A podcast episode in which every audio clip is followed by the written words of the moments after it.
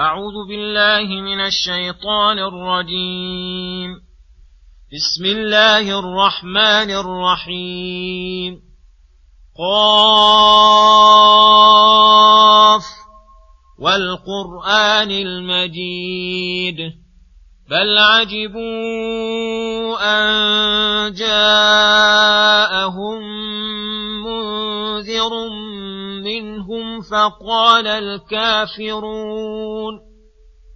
فقال الكافرون هذا شيء عجيب أإذا متنا وكنا ترابا ذلك رجع بعيد قد علمنا ما تنقص الأرض منهم وعندنا كتاب حفيظ بل كذبوا بالحق لما جاءهم فهم في أمر مريج افلم ينظروا إلى السماء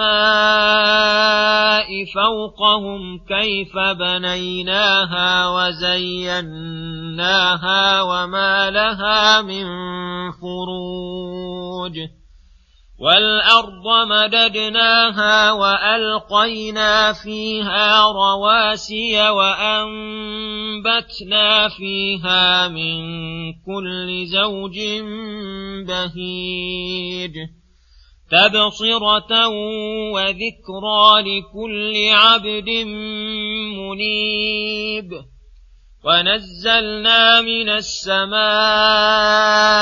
ماء مباركا فانبتنا به جنات وحب الحصيد والنخل باسقات لها طلع نضيد رزقا للعباد واحيينا به بلده ميتا كذلك الخروج بسم الله الرحمن الرحيم. السلام عليكم ورحمة الله وبركاته. يقول الله سبحانه قاف والقرآن المجيد. يقسم تعالى بالقرآن المجيد أي وسيع المعاني عظيمها. كثير الوجوه كثير البركات. جزيل المبرات والمجد سعة الأوصاف وعظمتها. وأحق كلام يوصف بذلك هو هذا القرآن الذي قد احتوى على علوم الأولين والآخرين. الذي حوى من الفصاحة أكملها ومن الألفاظ أجزلها ومن المعاني أعمها وأحسنها. وهذا موجب لكمال اتباعه وسرعة الانقياد له وشكر الله على المنة به ولكن أكثر الناس لا يقدر نعم الله قدرها. ولهذا قال تعالى بل عجبوا أي المكذبون الرسول صلى الله عليه وسلم أن جاءهم منذر منهم أي ينذرهم ما يضرهم ويأمرهم بما ينفعهم. وهو من جنس يمكنهم التلقي عنه ومعرفة أحواله وصدقه فتعجبوا من أمر لا ينبغي لهم التعجب منه بل يتعجب من عقل من تعجب منه. فقال الكافرون أي الذي حملهم كفرهم وتكذيبهم لا نقص بذكائهم وآرائهم. هذا شيء عجيب أي مستغرب وهم في هذا الاستغراب بين أمرين إما صادقون في استغرابهم وتعجبهم فهذا يدل على غاية جهلهم وضعف عقولهم. بمنزلة المجنون الذي يستغرب كلام العاقل وبمنزلة الجبان الذي يتعجب من لقاء الفارس الفرسان وبمنزلة البخيل الذي يستغرب سخاء أهل السخاء فأي ضرر يلحق من تعجب من هذه حاله؟ وهل تعجبه إلا دليل على زيادة جهله وظلمه؟ وإما أن يكونوا متعجبين على وجه يعلمون خطأهم فيه فهذا من أعظم الظلم وأشنعه. ثم ذكر وجه تعجبهم فقال أإذا متنا وكنا ترابا ذلك رجع بعيد. فقاسوا قدرة من هو على كل شيء قدير. الكامل من كل وجه بقدرة العبد الفقير العاجز من جميع الوجوه. وقاسوا الجاهل الذي لا علم له بمن هو بكل شيء عليم. قد علمنا ما تنقص أرض منهم أي من أجسادهم مدة مقامهم في البرزخ. فقد أحصي في كتابه وعندنا كتاب حفيظ أي محفوظ عن التغيير والتبديل بكل ما يجري عليهم في حياتهم أو مماتهم. وهذا الاستدلال بكمال سعة علمه التي لا يحيط بها إلا هو على قدرته على إحياء الموتى. ثم يقول سبحانه بل كذبوا بالحق لما جاءهم فهم في أمر فهم في أمر مريج. أي بل كلامهم الذي صدر منهم إنما هو عناد وتكذيب فقد كذبوا بالحق الذي هو أعلى أنواع الصدق لما جاءهم فهم في أمر مريج أي مختلط مشتبه لا يثبتون على شيء ولا يستقر لهم قرار. فتارة يقولون عنك إنك ساحر وتارة مجنون وتارة شاعر.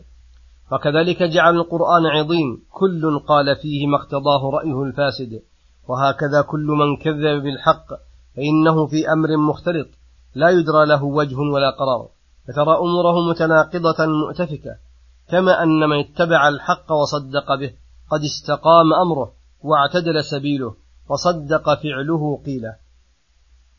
ولما ذكر تعالى حالة المكذبين وما ذمهم به دعاهم إلى النظر في آيات الأفقية كي يعتبروا ويستدلوا بها على ما جعلت أدلة عليه فقال أفلم ينظروا إلى السماء فوقهم؟ أي لا يحتاج ذلك النظر إلى كلفة وشد رحل. بل هو في غاية السهولة فينظروا كيف بنيناها قبة مستوية الأرجاء ثابتة البناء مزينة بالنجوم الخنس والجوار الكنس التي ضربت من أفق إلى الأفق في غاية الحسن والملاحة لا ترى فيها عينا ولا فروجا ولا خلالا ولا إخلالا قد جعلها الله سقفا للأرض وأودع فيها من مصالحهم الضرورية ما أودع. وإلى الأرض كيف مددناها؟ ووسعناها حتى أمكن كل حيوان السكون, السكون فيها واستقرار واستعدادا لجميع مصالحه. وأرساها بالجبال لتستقر من التزلزل والتموج وأنبتنا فيها من كل زوج بهيج أي من كل صنف من أصناف النبات التي تسر ناظريها وتعجب مبصريها وتقر عين رامقيها لأكل بني آدم وأكل بهائمهم ومنافعهم. فخص من تلك منافع الجنات المجتمعة على الفواكه اللذيذة من العنب والرمان والأترج والتفاح وغير ذلك من أصناف الفواكه. ومن النخيل الباسقات أي الطوال التي يطول نفعها وترتفع إلى السماء حتى تبلغ مبلغا لا يبلغه كثير من الأشجار تخرج من الطلع النضيد في قنواتها. ما هو رزق للعباد قوتا وأدما وفاكهة يأكلون منه؟ ويدخرون هم ومواشيهم. وكذلك ما يخرج الله بالمطر وما هو أثره من الأنهار التي على وجه الأرض وتحتها من حب من حب الحصيد أي من الزرع المحصود من بر وشعير وذرة وأرز ودخر وغيره. فإن في النظر في هذه الأشياء تبصرة يتبصر بها من عمل جهل وذكرى يتذكر بها ما ينفع في الدين والدنيا ويتذكر بها ما أخبر الله به. وأخبرت به رسله.